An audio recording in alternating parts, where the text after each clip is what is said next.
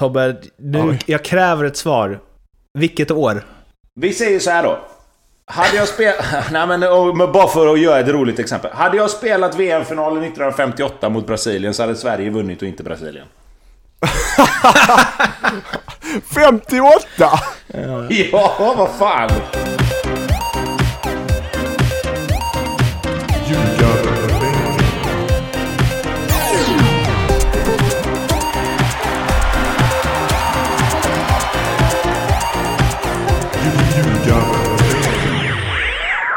Ljugarbänken, NordicBets podcast om den allsvenska fotbollen är här. Det är avsnitt 162 och eh, Per Gessle eh, sjöng väl någon gång eh, att det är tuffa tider för en drömmare.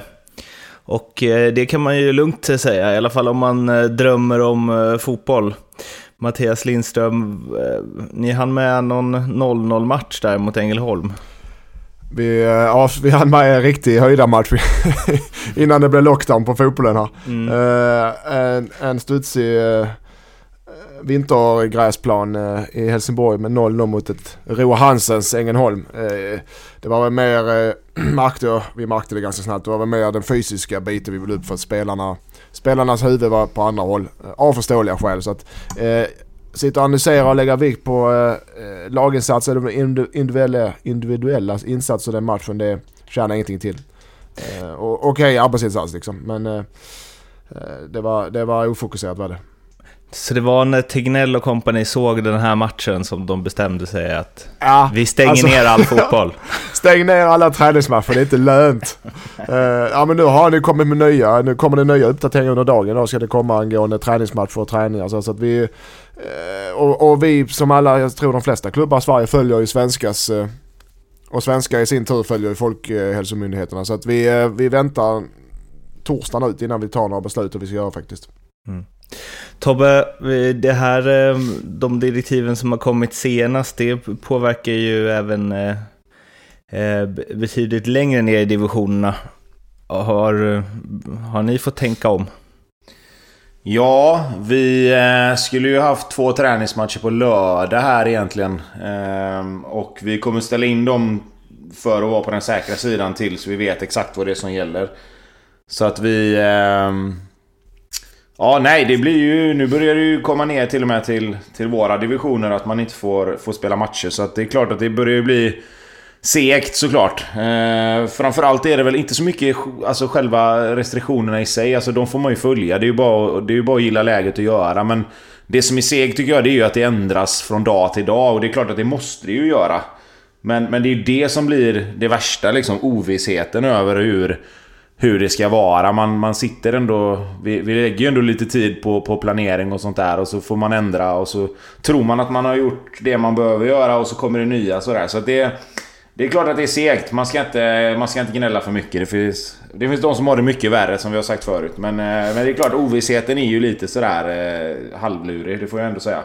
Om, jag, om man, om man Vad nu var ska få gnälla. Lund- Ja, eh, och här är man välkommen att gnälla. Det är, det är ju ljugarbänken slash gnällbänken. Ja, Men, det har eh, blivit så. Men eh, vad var det Ulf Lundell sa? En inställd träningsmatch är också en träningsmatch. ja, precis. Det är det Ja. man kör efter nu. Precis. Man jagar strecken Ja, men jag, är med, nu. jag är med lite där. Jag är med lite Tobbe. Man har lagt upp, vi har, vi har planerat efter den 21 maj nu som är ju jag ytterst tveksamt. Premiär. Man har lagt upp träningsmatcher och bokat det och, och helt plötsligt kommer det nya råd och då får man ju rätta sig efter det. Eh, Men eh, ja, Men där, så är det. men Lindström, där, det kommer ju inte spelas någon premiär den 21 maj, eller? Nej, det, nej det tror inte, jag tror inte det heller. Men, men jag, vad, som tränare Mårten, alltså jag måste ju utgå från, om man har en start 21 maj så måste jag planera. Jag tror själv inte det blir en premiär 21 maj, men jag måste ju planera efter eftersom det är inget annat som har sagt något annat. Så, Eh, sen, så kan man, ju- sen kan man ju läsa mellan raderna kanske och, och med hur utvecklingen sker så att ja, det, det tror inte jag heller. Men jag kan inte, jag kan inte sitta och hitta på egna eh, lösningar. Det är ju, såg eh, Daniel Andersson, sportchef MFF, nu i, på, i Fotboll Direkt podcast, vad är det som händer?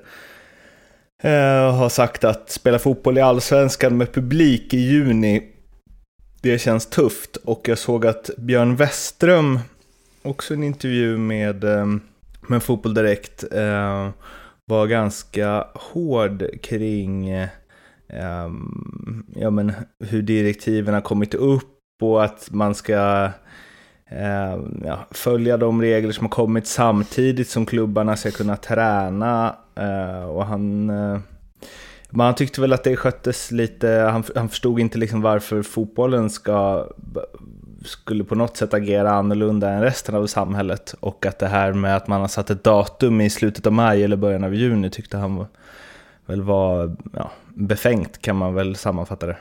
De flesta klubbar är inne på marken nu en efter en att, att spela. Dra igång i, i, i juni med publik är nog inte en möjlighet. Däremot så tror jag nog de flesta klubbar vill att allsvenskan ska dra igång men att de är inställda på att det kommer bli utan publik. Vad jag uppfattar nu för signaler runt om här. Eh, Likaså Westholm då med ny eh, VD, klubbdirektör mm. AIK. Grattis Björn! Ja, ja. Nu, är han, eh, eh, nu är han Don Björn på riktigt. Ja, att, att, att sen att klubbarna är olika. Vissa permitterar, vissa sänker löner, vissa kör på som vanligt. Det är väl, kan jag tycka, upp till klubbarna själva. Om det är det han är inne på. att uh, och, och permittering betyder inte att du slutar De här klubbarna, spelarna tränar ju ändå, ungefär som är permitterade. De tränar på som vanligt ju, med lagen. Uh, ska sägas. Så att uh, jag vet inte vad han, vad, vad, är han ute efter Mårten? Att det ska vara tydliga riktlinjer att, så det, att alla klubbar får samma förutsättningar? Ja, det han säger, så min uppfattning är att eh, svenska elitklubbar idag inte kan förhålla sig logiskt till restriktioner och rekommendationer som ges för övriga samhället. Det känns märkligt att vi tvingas bedriva träning med de rekommendationer som ges. Eh, och sen är han väl inne på att... Eh, han vill ha förbud alltså? Eh, men, men vadå? Men vadå, tvingas bedriva träning? Det gör de väl inte eller? Det är väl bara att sluta om man känner att man inte vill det. Eller, vad, eller vadå, tvingas bedriva träning? Mm, men jag tror vad, vad menar han med det? Eh, jag tror att det är att eh, man satt upp ett datum för när eh, allsvenskan ska börja och att klubbarna måste liksom anpassa sig för att börja eh, börja spela fotboll då. Alltså han sa ju så här, eh, men det, det logiska vore att ställa in all kollektiv träning, men att de inte kan göra det eh, eftersom det är satt till 5 juni. Ah. Okay. Ja, ja, men då är jag med. Då är jag med. Det, det, ja. ja, men då förstår jag. Det, det låter ju ändå, det låter ju ändå bra, liksom logiskt. Alltså, jag tänkte bara, vadå? Det är väl ingen som tvingas? Och... Men det är klart att nu förstår jag vad han menar då. Ja, jag tar tillbaka det. Fint. Uh, det, ja, men jag förstår, danskarna har gjort så normen att där ingen får träna, inga lag får träna och då, då blir det ju samma, samma förutsättningar för alla. Så det, ja, det är det han är ute efter. Ja, mm. nej jag förstår. Han säger så här, nu, nu tränar vissa klubbar, vissa vilar. Vi själva känner att vi tvingas återuppta träningen kommande vecka för att vi ska tävla i mitten av maj. Förbundet har inte förbjudit träning så det blir upp till klubbarna att vara mer restriktiva än sitt förbund som man önskar eh, skydda om man önskar skydda sina anställda utifrån hur samhället i övrigt just nu resonerar. Och det är en period då man ska förbereda sig för en kvartsfinal i Svenska Kuppen. Det blir omöjligt att avstå träning när man samtidigt i den här ovissa situationen behöver förbereda sig för att tävla i mitten av maj. Um, och ja, han är ju, han är, är ju verkligen inne på något här. Han säger liksom vi uppmanar folk på kontoret att arbeta hemifrån och samtidigt så ska vi bedriva funktionell fotbollsträning med full kroppskontakt eh, på samma arbetsplats. Liksom. Att det blir, eh, att det blir skevt. Ja, och det, men det gäller, väl egentligen, det gäller väl egentligen alla större företag. Jag menar, ja, vi, har en, vi har en tränare som är här i, i Kungsbacka City. Han har ju liksom 120 man på sin, på sin arbetsplats.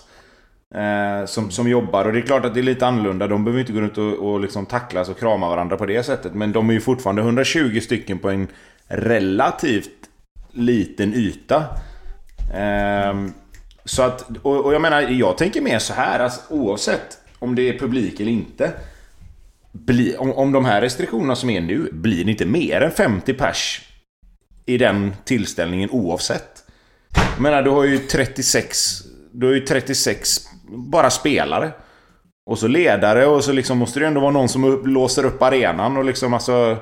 Det kommer ju vara mer än 50 pers där ändå. Och om inte de här restriktionerna hävs med 50 pers så kommer de inte kunna spela ändå ju. Nej. Nej, det är sådana här diskussioner som går, går runt i klubban. Vi har samma diskussioner hos oss. Eh, så jag kan förstå Westum lite att vi måste få, det måste vara tydligare eh, regler vad vi ska göra. För att nu kan det vara så att klubbar gör olika beroende på eh, vad de tycker är okej. Du har ju en match också. Ja, du får spela träningsmatch men ni får inte ha mer än 50 pers. Nej men då har du jag vet inte, du har ju 20 pers i varje lag och så har du domare och ledare och så funktionärer och så, då, då sticker det iväg. Och de är, så jag vet inte riktigt hur, det kommer, enligt då eh, Tegnell som styr det här landet nu för tiden så, så kommer det riktlinjer eh, idag lite tydligare från svenska. Idag så, eh, det här kanske man borde inlett med, men ja, eh, ni som är kvar nu får, får veta det nu. Det är inga kvar, de har tröttnat. de har droppat av för länge sedan. Eh, men det är ju att förutom att prata lite aktuella grejer som har skett så kommer vi också ha teman nu på podden framöver fram till att det blir matchspel igen. Och idag har vi ett bästa tema där vi ska utse Ja, bästa match vi sett, bästa match vi spelat kanske inte gäller mig. Um, även om det hade kunnat bli intressant det också. uh, och lite bästa spelare uh, som man sett och mött och tränare och hej och hå. Så det blir liksom andra delen av den här podden. Men först som sagt ska vi in på uh, Ja, det mesta är ju kopplat till coronakrisen förstås på ett eller annat sätt. Eh, men eh, det har ju eh, varit några rubriker som sticker ut sedan sist.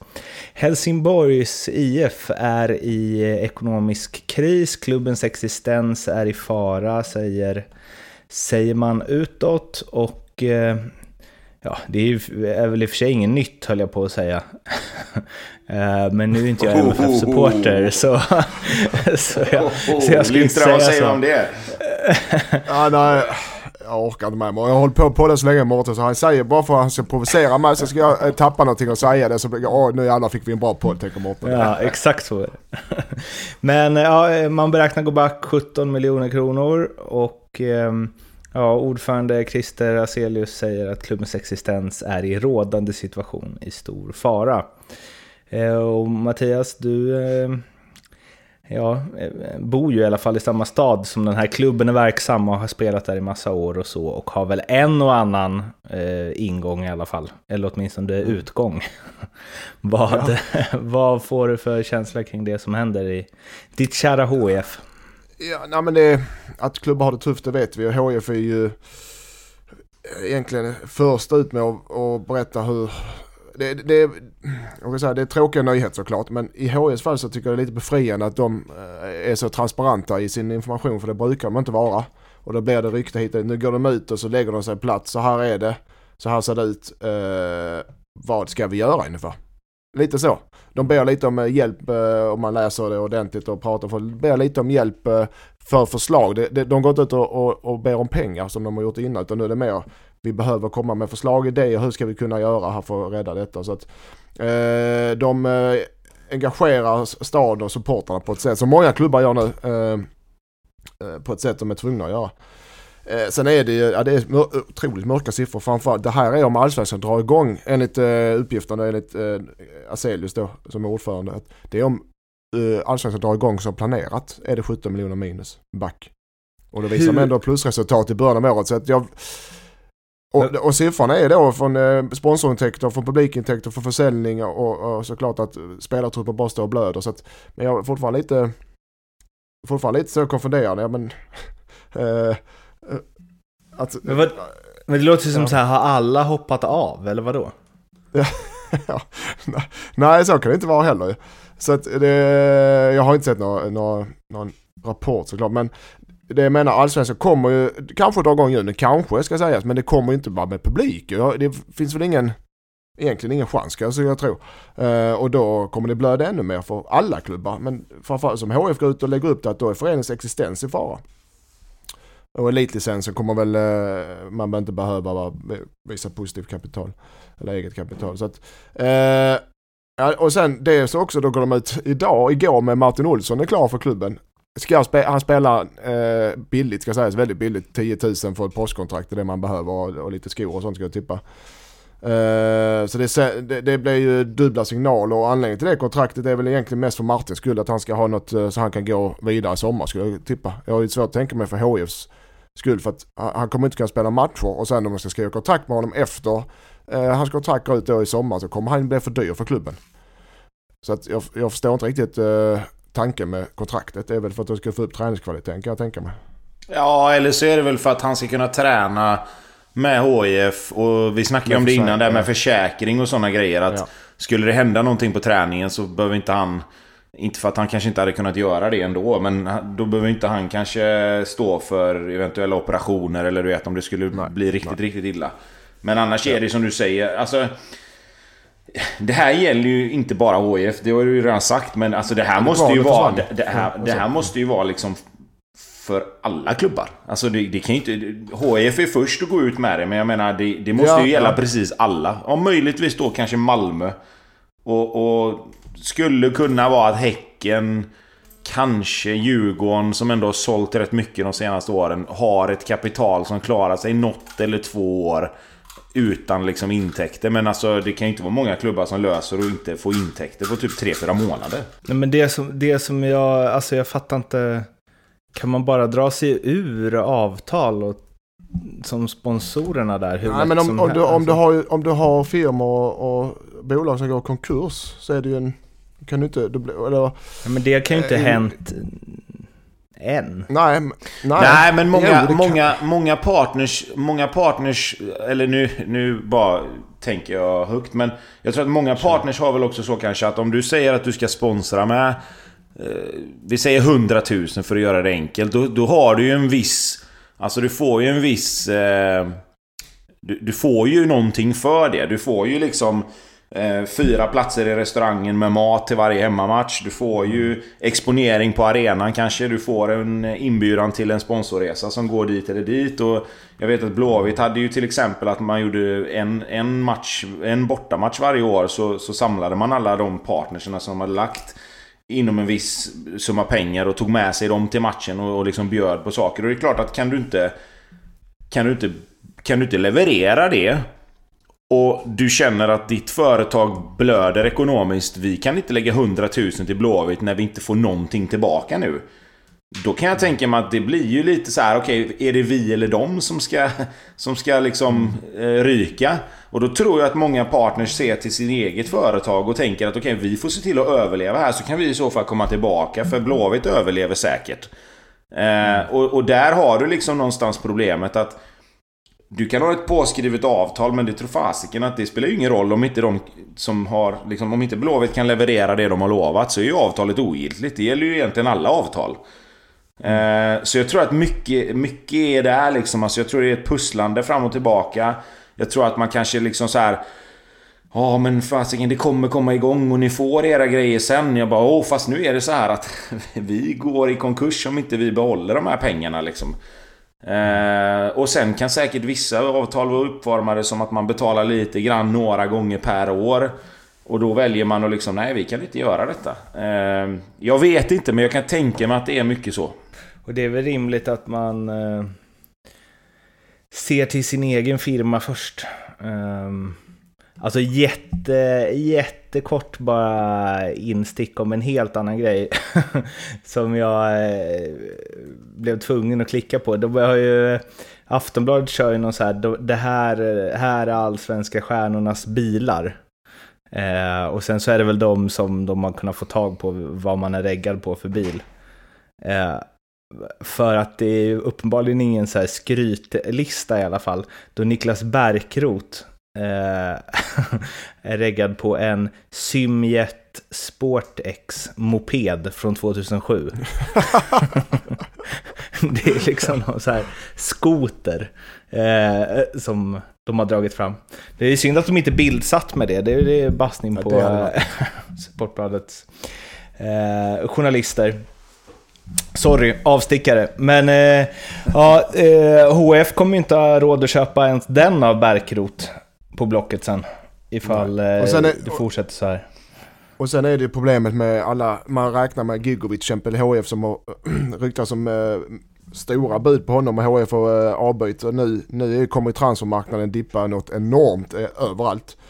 Så de pengarna också som man, eh, jag ska inte säga räknar med, men vissa klubbar budgeterar eller med spelarförsäljning, många gör det. Där får man också en rejäl, en rejäl bakgång alltså. Alla klubbar får det också. Så, så att, eh, och det får man också ta med i beräkningen. Elitlicensen. Um, SVFF vill ju eh, pausa den för att eh, ja, man ska ha eh, tid att ställa sin ekonomi till eh, rätta igen efter det här. Eh, känns väl logiskt, eller? Ja, det får man väl ändå säga. Jag menar, vilken klubb kommer att ha ekonomi för att klara elitlicensen nästa år? Det är inte många. Eh, så att det, det, är väl en, det är väl en ganska bra grej kan jag tycka. Så, sen kan jag väl känna lite så här att de klubbarna som har legat och, och dansat på linjen innan kanske någonstans måste ändå ha en plan och kunna säga att okej okay, men så här såg det ut innan det här hände och så här ser det ut efteråt. Vad var någonstans står vi?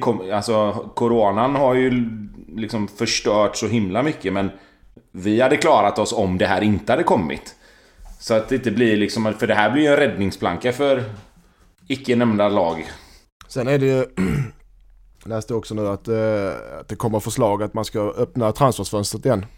Eh, kanske att det kommer idag under dagen att eh, man kan hålla på med, trans med transfer ända fram till eh, allsvenska premiären. Och det kan nog underlätta för en del klubbar också.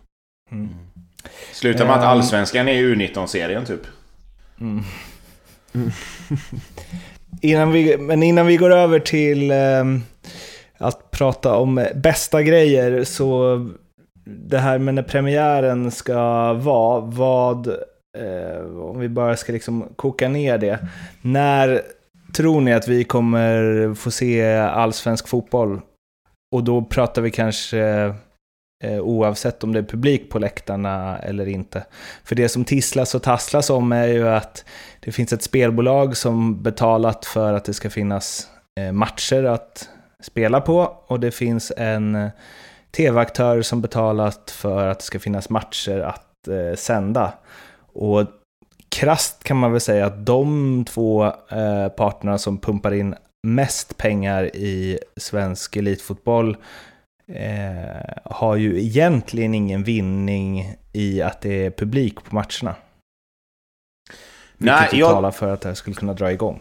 Jag, jag, tycker så här att de här två aktörerna, det de skulle kunna göra som hade varit helt fantastiskt. För jag menar att Titta på TV kan man göra och de jag menar, deras kanaler går ju säkert varma nu när folk inte kan titta på något annat.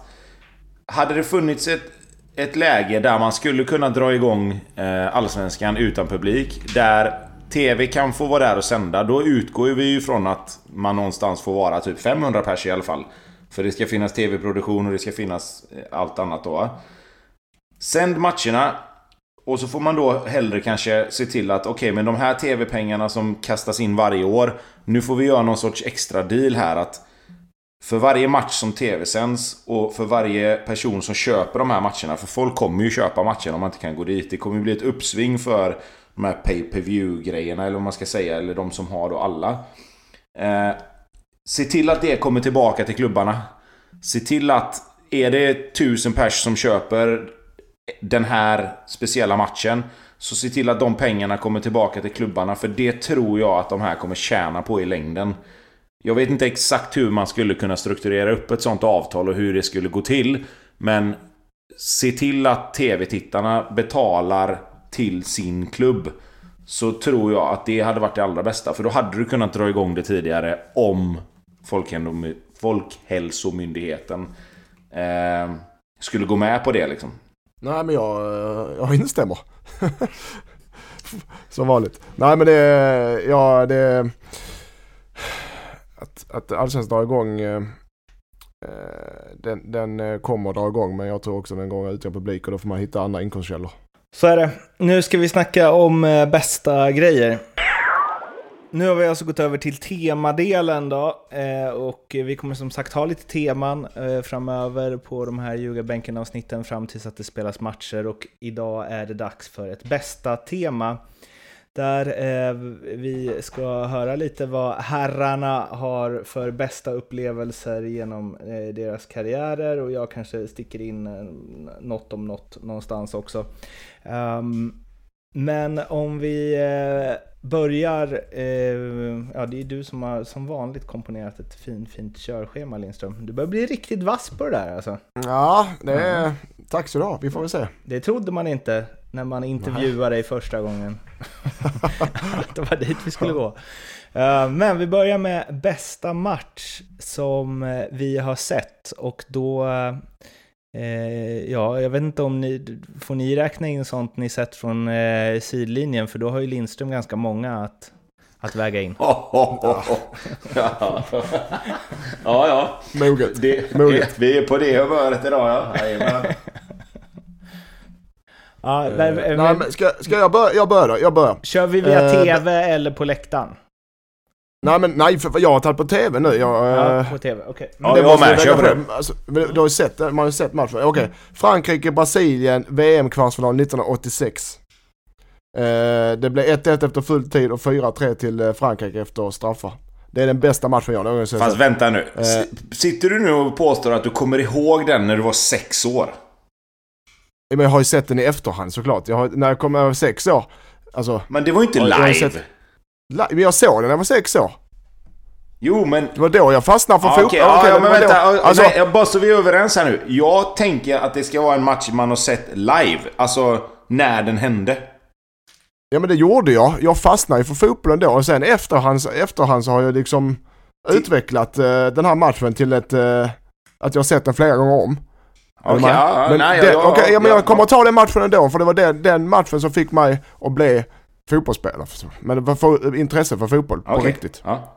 Ja. Nej, jag bara så Vi är tar den, överens vad vi ska titta Okej, efter. Liksom. men då tar jag... Ja, nej men och sen du vet när man är sex år så man sitter med sina sådana här, vad heter de här klisterböckerna man, man köper Panini. spelare? Ja, ja, Panini. Panini och jag satt där med hela Brasilien och Frankrike. Ja, jag fick aldrig ta på Zico, det störde mig. Min brorsa hade Zico men jag hade inte den. Eh, men i varje fall, den matchen med de spelarna. Det sägs ju oftast att, oftast, att Brasilien hade världens bästa lag det året. Att, alltså det bästa VM-laget genom tiderna. De hade Zico, äh, Zico, Sokrates, Junior, alla de här spelarna. Eh, och på plan så hade fransmännen hade Platini, de hade Tigana. Eh, så det var, det var en otrolig match. Zico missade straff med 17 minuter kvar. Och det här var kvartsfinal. Att Brasilien åkte ut i kvartsfinal, VM i Mexiko 86, eh, är en, var en katastrof. Eh, men eh, jag tycker fortfarande att det är den bästa fotbollsmatch vi har sett. Någonsin. Och det ska sägas att fotboll på den tiden spelas annorlunda, ja. Men det, det kan jag inte ta i beräkningarna. Jag menar Brasiliens landslag då, eller Frankrikes landslag då, hade inte vunnit mot eh, Hammarby idag till exempel. Så att det, det går inte att jämföra på sådana är sätt. nice. Eh, Det där är också ett tema. Eh, Men Ja. ja. ja, jag har inga inspel på det eftersom jag inte var född när den matchen spelades. Men eh, det låter som Ja, något i alla fall. Tobbe? Ja, för, alltså, jag kände att ni inte tog min match seriöst. Det, Jo, det, det, jo, har- det, nej det lyssna. Det var, mer att, det var mer att jag, i, min, i mitt huvud så var det mer en match som jag tänkte, okej den här ska jag ha sett live när det hände. Jag ska ha sett den och komma ihåg den och bara tänka att okej, fasiken vilken bra fotbollsmatch. Jag köper ditt resonemang till 100%. Du har ju sett om Ni, så, ni kära lyssnare, ni som har sett matchen, ni, ni eh, sitter och nickar. Ja, Mattias, ja, han är, ja, Mårten och, och, och eh, Tobbe kan dra åt helvete. Mattias är bättre, det är perfekt. Ja, den matchen tar jag. Tobbe? Mm. Ja, jag blir ju galet färgad här. Men eh, jag vet inte om matchen i sig var... jag vet inte om matchen i sig Nu var så kommer någon sån här himla- Blåvitt ÖIS derby. Nej, nej, nej, nej, nej, nej, nej. Jag har faktiskt, jag har två stycken som, som sticker ut. Den ena var jag på plats, alltså på eh, matchen live. Och den andra såg jag på TV. Den första var IFK Göteborg mot Manchester United. Den var lustigt nog på TV igår kväll. Ehm, på Viasat. Eh, 3-1 IFK Göteborg, Champions League. Och jag var 12, tror jag. Gick på alla Champions League-matcher med min farfar och det här var liksom... Alltså någonstans... Ja, i, Blåvitt hade slagit Milan tror jag innan i någon gruppvariant där men... Eh, det här var liksom Manchester United, det var engelsk fotboll. Det var hela köret där med att... Ja, det, det skulle liksom inte gå. Eh, Eh, United hade Cantona, de hade... Liksom alla de här spelarna på 90-talet som, som bara gick och se på TV och helt plötsligt var de på Ullevi och Blåvitt slår dem. Så att det var ju... Det var en sjuk match på det sättet. Ja. Sen har jag ju... Jag, jag, kommer ja. Ja. jag kommer ihåg den matchen väldigt, väldigt eh, väl. Det var då Blomqvist, Blom, Blomqvist under Champions League fick jag sitt ordentliga, ordentliga genombrott, eller? Ja, absolut. Ja, ja. Han gjorde ju mål han var grym i de här matcherna. på Barcelona och United. Och, tror han gjorde mål både hemma och borta mot United om jag inte kommer ihåg fel. Ja, och Stefan Rehn var, liksom, Stefan Rehn var kung på mitten. Och då hade du ändå, precis som du sa, du hade Cantona och, och Ins och eh, de här eh, mot sig. Och, Ja, ja, och. Rehn, han trollar bort dem som om det vore små, eh, små Ja, dockor. Magnus Erlingmark vann skytteligan i gruppen där och jag vet inte om han kanske vann skytteligan hela Champions League till slut eh, Den, tillsammans den är med däremot, den är helt sjuk däremot. ja. Erlingmark vinner skytteligan i Champions Ja. League. Det var, den, det, var det, det var det året när eh, Blåvitt åkte ner till... Eh, den heter väl Ali Samien heter den va, i Galatasaray. Och hade 1-23 typ i hörner. Men i, på den hörnan så gör, så gör Magnus Erlingmark mål och Blåvitt vinner borta mot Galatasaray med 1-0 liksom. Eh, Den bästa segern. eh, Ja, nej det var sjuk match. Sjuk match. Eh, En svunnen tid kan man säga. Ja, det kan man säga. Mm. Även om Blåvitt säkert hade kunnat slå dagens United en bra dag, men... Det behöver vi inte gå in på mer! Nej. Vad var den andra då? Ja, den andra var ju Milan-Liverpool i Champions League-finalen 05. Men det är ju mer alltså, den matchen i sig var ju kanske inte... Visst, det blir ju en fantastisk match med tanke på vad som händer, men jag... När jag sitter och tittar på den matchen så tänker inte jag på om det är en... Är en bra match rent spelmässigt eller sådär. Utan det är bara att det blir som det blir och att Liverpool till slut vinner. Eftersom jag har Liverpool som favoritlag så blir ju det en match man alltid kommer komma ihåg. Eh, stängde ju mer eller mindre av i halvtid och började spela tv-spel typ. Och sen helt plötsligt så gör... Vad heter det? Gerard 1-3. Och sen efter det så sätter man på och så bara pang, pang, pang. Och Dudeks dubbelräddning i förlängningen. Och sen när han tar Shevchenkos straff och liksom ja, det, ja, så är det. Den blir, eh, den blir ju stor också såklart. Jag, eh, det, jag har ingen så här bästa match jag sett som jag kom på, men däremot så kom jag på bästa match jag inte sett. Eh, och, och, och där är ju den, alltså jag har ju också liksom alltid hållit på Liverpool och sen så just den Champions League-finalen så tänkte jag så här, äh, jag ska inte låta fotboll styra mitt liv.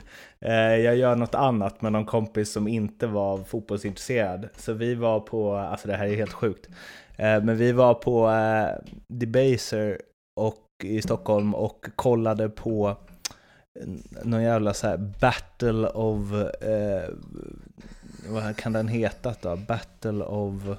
Alltså det var liksom så här eh, coverband inom 80-talsrock. Som Det, hette det liksom- det är den som ligger under bron där va? eh, Eller låg under Ska bron. du gå på Debate så kan du gå på bra musik, inte Ja, 80-tals ja, men coverband. Fatta att jag var liksom på en, en coverbands-battle. Eh, med liksom så här istället för AC/DC hette de väl DC-AC eller något. Eh, istället för att titta på den här finalen. Eh, men det som hände var ju att eh, vi kom till en pub som visade den på TV när förlängningen började. Eh, så jag var, ju- jag var ju aldrig med i det här liksom hopp och förtvivlan grejen utan jag kom ju bara in när det var, det var ju tänk 0-0 kom ju jag in i. Eh, så jag fick i alla fall se straffläggningen, men det är nog en av de konstigare prioriteringarna i mitt liv. Jag stod också utanför, det- alltså jag har en annan match här också, det var ju Tyskland-Brasilien. Det blev 7-1 va? I VM i Brasilien. Ja, ja, Den Mm. stod jag, alltså var på en, en eh, någon sån här sommarfest där de visade den inne i tält. Eh, och jag stod liksom precis utanför tältet tills så här folk började, alltså man hörde liksom ljud och att folk började bete sig lite för konstigt där inne för att det skulle vara en helt normal match. Eh, så jag gick ju in där efter en halvtimme, men då stod det väl redan 5-0. 5-0 typ. Ja. Mm. Den såg jag fyra på morgonen i Kina. Ja, det, det, är den sjukaste match, fotbollsmatchen i historien den alltså. Ja. Eh, Den hade ju ja, faktiskt må- kunnat kvalificera sig på listan också alltså. Ja. Men, det, är inte- Men det det är inte ju- den bästa match man har sett. Det, Nej, men det, det, det måste vara den knäppaste matchen. kanske. Ja, det var den Ja. sjukaste matchen man har sett. Ja. Fy fan, jag kom på mig själv tänka bara nu får Tyskland sluta bara. De får ju bara, de får ju bara, spe, de får bara hålla i bollen här nu för det här blir ju... Ja, det, det- här ja. blir inte bra liksom. Ja, Folk det kommer ju ta livet av sig i Brasilien om det här fortsätter. Eh, den ehm, bästa spelaren i sett då? Börjar du ta på nu då? Ska jag börja? I den matchen eh, vi pratar om nu, eller Det var den matchen vi pratade om, så ja, vi ska ha bästa spelare. Ja, precis. Nej. Inte så här liksom... Jag, alltså, jag ska jämföra då. När vi mötte Argentina med Sverige så var ju Messi med på plan. Och jag kommer ju alltid någonstans...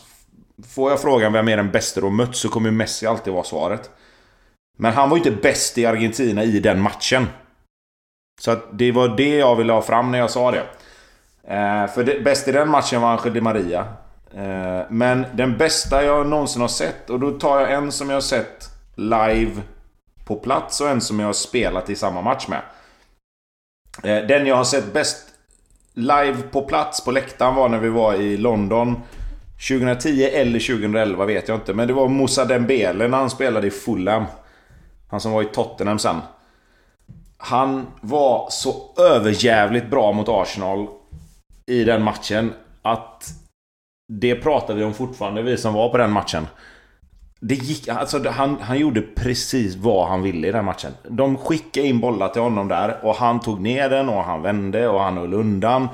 Och alltså det, det är bland det värsta jag sett alltså.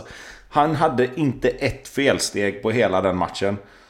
Eh, och det är en extremt konstig match att välja och en extremt oväntad spelare säkert. Men han var så jävla bra i den matchen. Så att det var, det går liksom inte att komma bort från.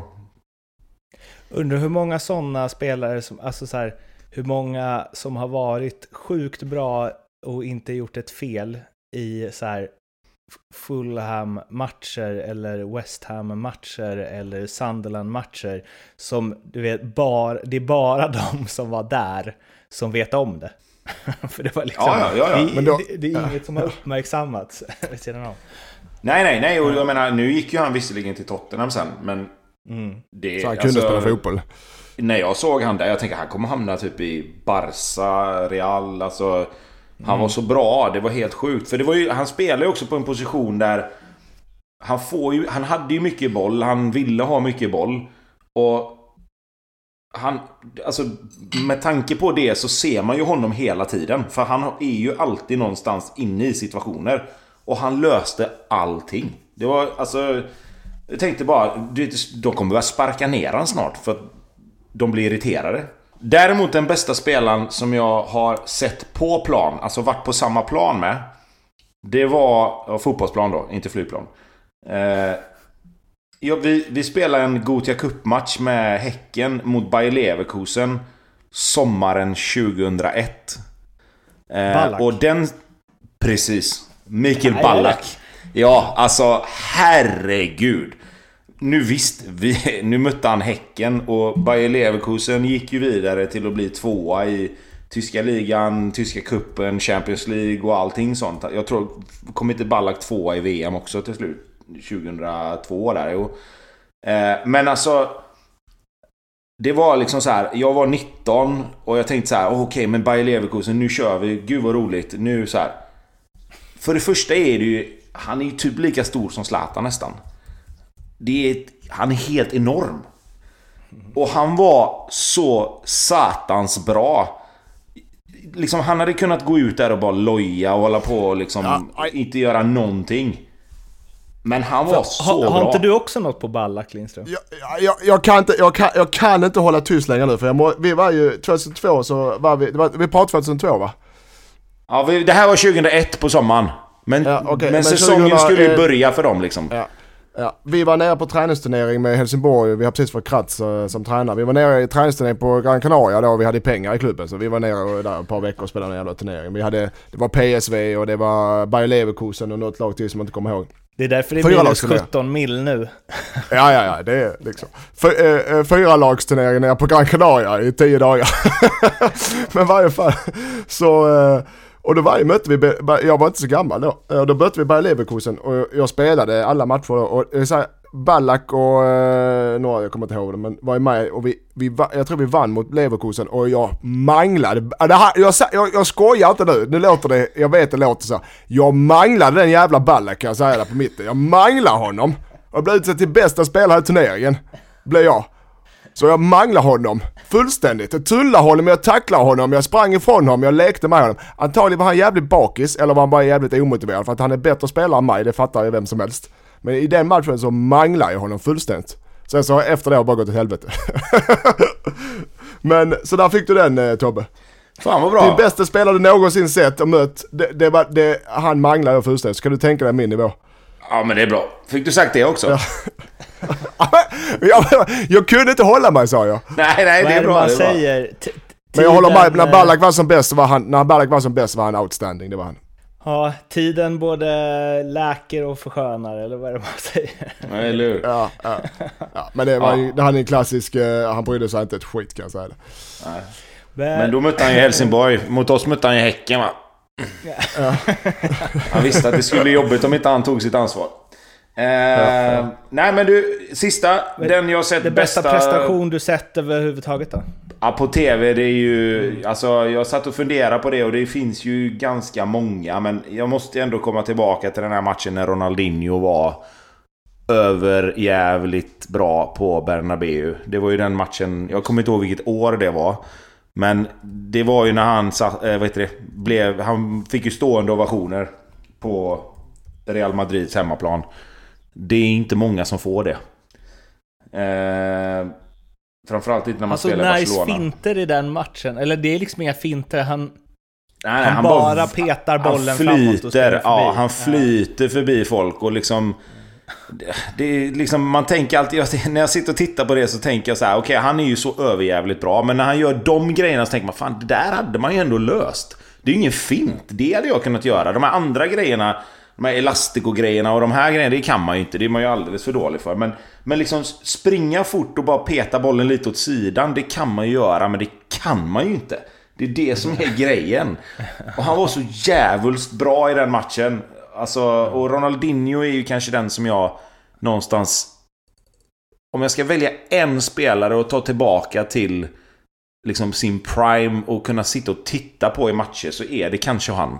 För att han var så rolig att se när han spelar. Visst, Ronaldo, Messi, Zidane, alla de här har ju varit bra. Riktiga Ronaldo, brasse-Ronaldo också. Men fan, Ronaldinho var... Det var så kul att se honom spela när han var på humör alltså. Lindström? Ja men jag har, jag, är, jag håller med Ron- Ronaldinho, men jag, jag är lite tråkig så jag har, jag har Messi, jag har Messi eh, 2012 mot Bayer Leverkusen i, i Champions League. De vann med, också, det är kanske inte den roligaste matchen, det vinner Bayer Leverkusen igen, men, men de vann med med 7-1 och han gjorde fem mål i den matchen. Och det var en sån match, du vet, Bayer Leverkusen spelar ändå Champions League, eh, Bundesliga med den statusen. Det var ett världslag, vi pratar världslag nu. Och när det kommer en sån spelare som är så jävla överlägsen mot, mot de övriga av världens bästa spelare så tänker man fan, hur fan är det möjligt? Det är ungefär som att, eh, vad ska vi säga, en allsvensk spelare har gått ner och spelat division 4 nu. En bra allsvensk anfallare har gått ner och spelat division 4. Det, det, att eh, han har varit fullständigt över. Så, ja men så är Lionel Messi, så kan han vara ibland vissa matcher på yppersta världsklass. Och då tänker man, då, då förstår man hur bra han är. I den matchen gjorde han fem mål mot Bayer Leverkusen som var bra på den tiden.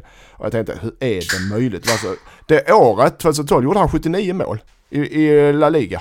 Fan, alltså 70, 79 mål? Nej, han Hur kan du göra? 79 mål i La Liga. Kom Nej, inte La, Li, inte La Liga, men sammanlagt. Ja, ja, jo, jo. Ja. Alltså eh, på ett år, 79 mål. Ja, Ja, det är jag vet att det är många plojmatcher, men, men, men alltså ändå. Men den matchen, fem mål i Champions League, eh, när du möter ett annat världslag. Där, eh, och han, han gjorde, varje gång han fick bollen så gjorde, han, han gick förbi motståndaren varje gång han fick bollen. Så tänkte jag, vad fan, vad gör mos? Är de så dåliga? Jag tänkte, nej de är ju inte det. Det är det som är grejen. Det är bara han som är så jäkla bra. Och vi har ju sett det gång på gång på gång, men det är den matchen som eh, satt sig mest i mitt minne. Eh, Vad var nästa då? Ja, bästa du sett eh, på plats? Eh, bästa spelare jag har sett live är, eh, v, eller förlåt, EM 92 i, i Sverige på Råsunda. 30 000 på läktaren. Eh, härlig sommar. Då, eh, Thomas Bolin. Jag vet att jag är nere och gräver i, i eh, sådana här eh, nostalgitrippar men eh, och det är kanske inte så att han har varit men i min uppfattning och min känsla med vinst mot England eh, alltså eh, med ett engelskt lag som var ruskigt bra det året Sverige var bättre och Thomas Bolin styrde och ställde precis som han ville. Och då var han också som bäst. Eh, det tycker jag som fotbollsspelare. Innan det gick ner för honom. Och där var han... Innan Eh, bandaget i Crystal Palace, kan man säga. exakt. Och England kom sist i gruppen vill jag minnas. Och det blev Peter Schilt. Ja det var eh, en skräll redan då. Eh, men eh, Sverige vann gruppen på fem poäng och Danmark och Frankrike var i gruppen ska sägas också. och England. Så det var inga, Sverige var bra. Mm. Eh, och han gjorde mål mot danskarna och han gjorde, ja, i den matchen eh, mot England så var han överlägsen. Mot engelsk, eh, de engelska världsstjärnorna. Det var väl hans stora, stora, stora genombrott där. Så att eh, Thomas Brolin, 92 EM mot England. 2-1 vinst Sverige. Jo, jag har ju ingen eh, som jag mött sådär på rak arm. I alla fall ingen som ni vet vem det är. Eh, och eh, på plats tycker jag också är jävligt eh, svårt att minnas. Jag har ju sett tre Champions League-finaler på plats. Uh, och en av dem var ju när uh, Real slog Juventus med eh, 4-1 va? Och Ronaldo var ju grym i den och han var ju bra i liksom Eh, den mot Atletico också och så vidare. Där var nog mest att jag, jag satt precis på mitt, eh, mittlinjen eh, på tredje raden tror jag. Så där var jag mest så här, aldrig sett Eh, jag har aldrig, för, aldrig tidigare och aldrig senare heller liksom, fått vara med om att så uppfatta hur fort det faktiskt går när de bästa i världen spelar. Och hur sjukt eh, skickliga de är. Liksom. Det var som att stå nere på Skytteholm eller kanalplan på en träningsmatch, fast det var Champions League-finalen. Eh, och det var jävligt eh, häftigt. Så där tyckte jag att spelare var... Eh, jag tyckte liksom att Pjanic var helt enorm. Eh, men det är förstås inte, de torskar med 4-1, så det är absolut inte den bästa eh, jag sett på plats. Men det hade också varit lätt att säga Zlatans fyra mål mot England. Så eh, ja, jag vet inte, jag landar väl i ingenting där. Men däremot så den bästa jag sett på tv eh, och den spelare som jag tycker är bäst i världen genom tiderna är eh, Zidane. Och jag har inte sett Maradona på det sättet eh, som eh, de som tycker han är bäst genom tiderna har gjort. Men eh, det du pratade om Lindström med liksom Messis fantastiska statistik och så vidare. Det finns ju en sajt som heter Messi vs Ronaldo.net som eh, jämför dem genom åren. Och eh, den säsongen du pratade om där, det är väl 11... 2012 ja. Ja, då man först kollar Ronaldos, att i alla tävlingar så gjorde han 60 eh, mål på 55 matcher. Han gjorde 46 mål på 38 matcher i La Liga bland annat, 10 på 10 i Champions League. Och så kollar man Messi som gjorde 50 på 37 i La Liga, 14 på 11 i Champions League. Och det är ju helt sjuka siffror som liksom vi förmodligen aldrig kommer få uppleva igen. Det är ju liksom... Det finns ju inte ens några hockeyspelare som har gjort eh, sådana siffror. Eh, även liksom, det här är ju, det är över Gretzky, liksom, under hans glory days. Men för mig så var Zidane, dels att jag liksom växte upp med det och det var då jag var mest intresserad av fotboll. Men sen har jag aldrig sett en spelare eh, äga en, alltså när, när, som du pratade om Dembele där Tobbe, att det var den enda spelaren man såg eh, på plan i de matcher han spelade, kanske framförallt under EM 2000. Eh, och även VM 98 liksom. Men EM 2000 kanske han var på sin absol absoluta prime. Han var helt och hållet bestämde tempot i matcherna i liksom kvartar, semi och finaler. Eh, ja, bland de bästa i världen. Och det typ väger tyngre, jag vet inte, det väger tyngre för mig än att eh, göra eh, 73 mål på 60 matcher. För att jag någonstans räknar in att det är så här, det är Osasuna där. Det är, jag vet inte, Levski Sofia kanske i någon Champions League-match och så vidare. Um, och att det till syvende och sist handlar om att vinna och att Zidane var absolut bäst i de största matcherna. Alltid. Sen, ja, han skallar Materazzi där, men Ska man skalla någon i sin sista match i en VM-final så är det ju Materazzi. Ja. ja. Och han var ju faktiskt jävligt bra i den matchen fram till det. De, det, det här är så en himla så här, eh, slapp sägning, för det kommer aldrig gå att bevisa. Men hade han inte gjort det och varit kvar på plan hade ju de vunnit den straffläggningen. Tror jag. Bara hans närvaro. Ja. Och med det sagt så vill jag höra så här, hur ställer ni eh, liksom den prestationen mot typ Messi och Ronaldos alla mål eh, och Maradona som jag är för ung för att ha upplevt överhuvudtaget. Liksom. Jag kan börja då. Eh, Maradona har inte jag sett tillräckligt heller för att kunna ha en ordentlig uppfattning. Eh, jag vet att han var överjävlig. Eh, jag tyckte det var jäkligt kul när han kom tillbaka till VM 94. Sen slutade ju det som det gjorde. Men jag, jag var verkligen så här, gud vad roligt, nu kommer jag få se Maradona på riktigt. VM 90... Jag var åtta år och jag kommer inte riktigt ihåg hur, om han var så bra eller inte. De säger att han bar Argentina till final där men... Eh, jag håller med dig om Zidane. Alltså Zidane var på ett annat sätt än Messi och Ronaldo. Jag tycker fortfarande att både Messi och Ronaldo är bättre än vad Zidane var. För att det är så sjukt imponerande att vara så djävulusiskt bra under så lång tid som de två har varit.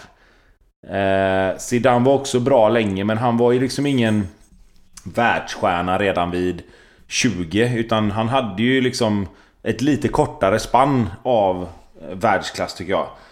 Eh, så därför så håller jag Messi och Ronaldo högre än vad Zidane var. Ja, jag har upplevt Maradona, Maradona på ett annat sätt. Anledningen till, alltså Zidane är en bättre spelare än Maradona var. Kan jag tycka. Maradona var i Napoli, var han outstanding. Även lite i Barcelona. Men anledningen till, eller Diego, Maradona har den statusen är ju för det första att han var världens bästa fotbollsspelare. Är du Diego med honom? Jag är Diego med honom. Men även att han, hade en, han har en aura på ett annat sätt än Zidane har till exempel. Zidane är tillbakadragen, Messi tillbaka, ni vet hur de här. Mm. Eh, Maradona har ju en aura och en, och en framhållning som att ja, jag är störst, bäst och vackrast och ingen annan. Så, så, det är det, han har fått den, han har fått den eh, stämpeln också på ett annat sätt. Eh, men jag Zidane är bättre, tycker jag också en bättre, mer komplett fotbollsspelare.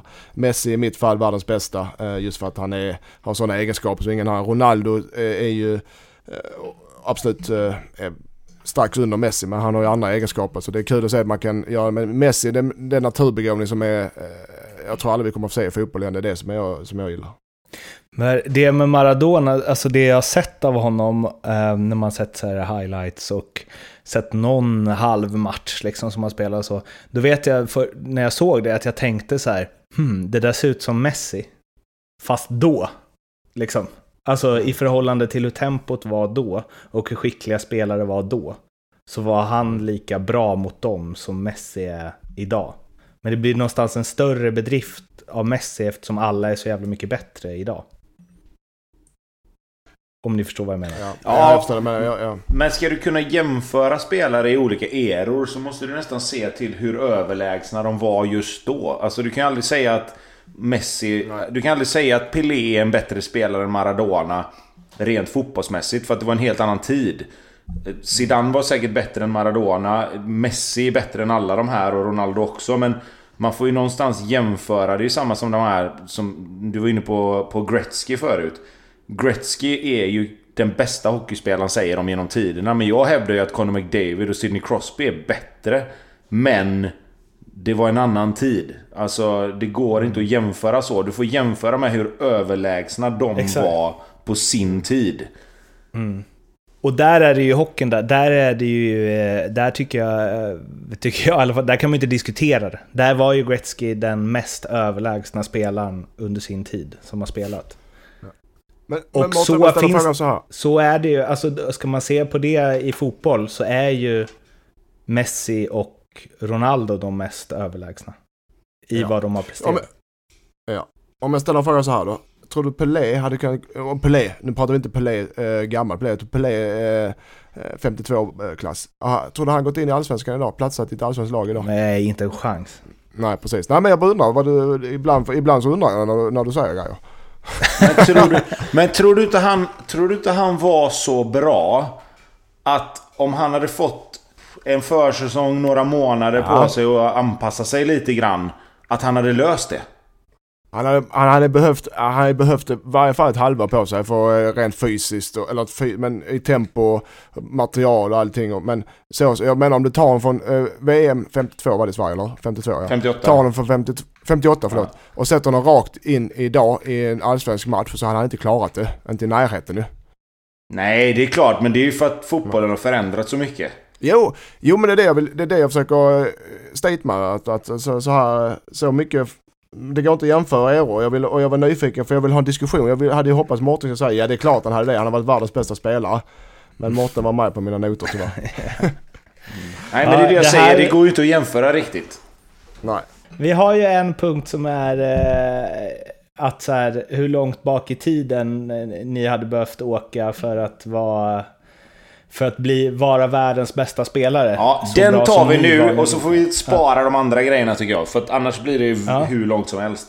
Ja, men, men för den, har ju, den är ju på det här temat. Jag har frågat den i intervjupodd som jag har haft under liksom många, många år. Och vissa spelare menar att de hade behövt åka tillbaka liksom till så här 50-talet för att vara det. Och jag har alltid sagt, men alltså fan, det är klart att det hade räckt med 80-talet. Eh, och nu vill jag bara resonera kring det här först. För att det blir ju, det blir ju knöligt. Att för man tänker sig när man ser VM 94 typ, eller VM 90, att bara uff, lågt tempo och hej och hå. Men de spelar, det finns ju spelare där som var världsklass tio år senare också. Men det är det jag menar, att folk anpassar ju sig. De bästa spelarna anpassar ju sig efter vad som händer. Jag menar, Maradona när han var i Napoli var ju, var ju liksom... Han var ju överlägsen där. Men han var ju fortfarande bra. Och visserligen med hjälp då, men han var fortfarande bra i VM 94 också. Kolla Paolo Maldini, han var ju fan världsklass i 20 år. Men ah, okej, vi börjar. Hur långt hade du fått åka? Tobbe? När du var som bäst. För att bli bäst i världen? Ja, jag, jag har skrivit ner här, nu har vi redan gått in där på Pelé, men jag, hade ju, jag skrev ju någonstans typ så här 60-70. Alltså runt... Alltså för jag menar, jag tänker så här, när Pelé kom. Jag kommer ju inte sitta här och säga att ja men då, hade jag spelat med Pelé så hade jag varit bättre än honom med den kvaliteten jag hade. Visst, jag var ju snabb. Liksom, det var ju mina egenskaper. Det tror fan att hade jag haft en Pelé bredvid mig som hade varit så jävla bra så hade jag ju kunnat göra hur mycket mål som helst säkert. Men det är ju svårt att veta om de spelarna på den tiden var långsammare. Eller om bara spelet var långsammare. Ja. Nej men förstår du vad jag menar? Alltså jag, Ja, jag, jag, jag kan ju sitta och titta liksom så på matcher från 82 och, och 78 och sånt där i VM och tänka liksom Tänk om de hade haft en Tänk om Mbappé hade fått springa där med Zico, Sokrates och alla de här liksom. Men det, var- det var inte så man spelade då.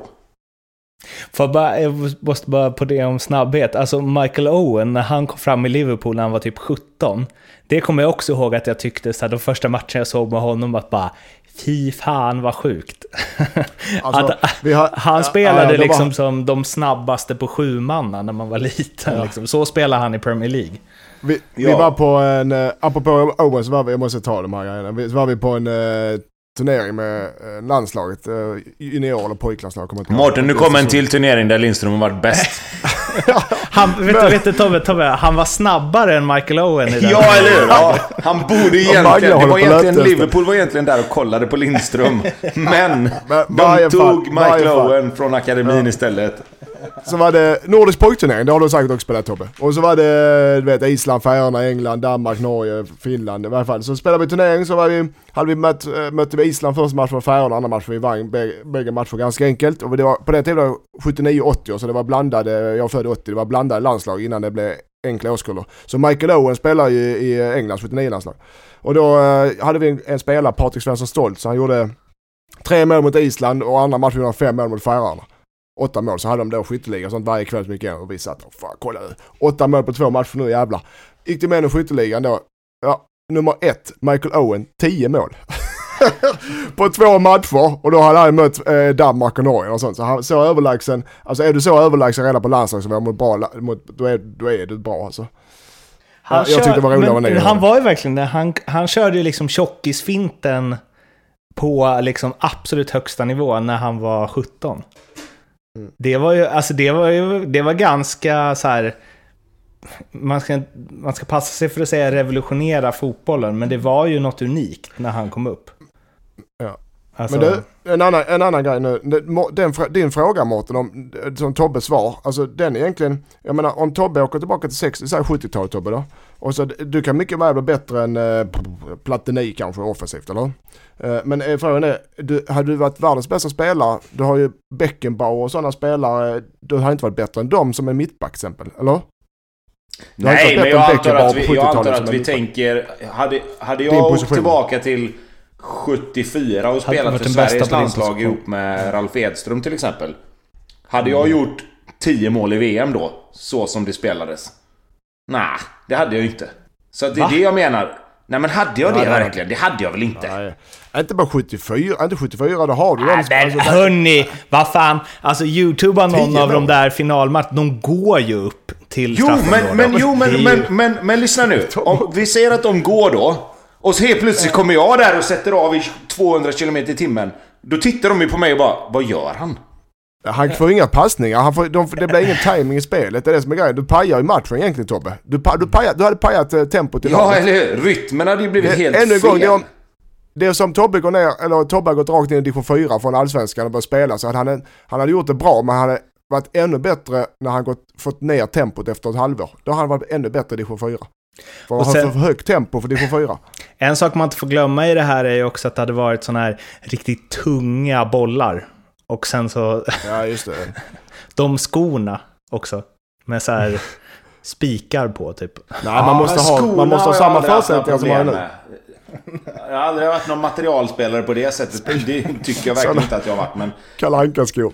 Men, jag, nej, men jag tänker bara så här att liksom... Men vadå, var, du tror... Det var så, det var så du måste tillbaka till 60-70 eller? Tänker du? Ja men alltså, det är ju extremt svårt. Men jag tänker att under vilken... Jag menar, tänk, tänk bara så här. Om, man, om, man, om vi ska få in någon sorts jämförelse. Tänk världsrekordet på 100 meter.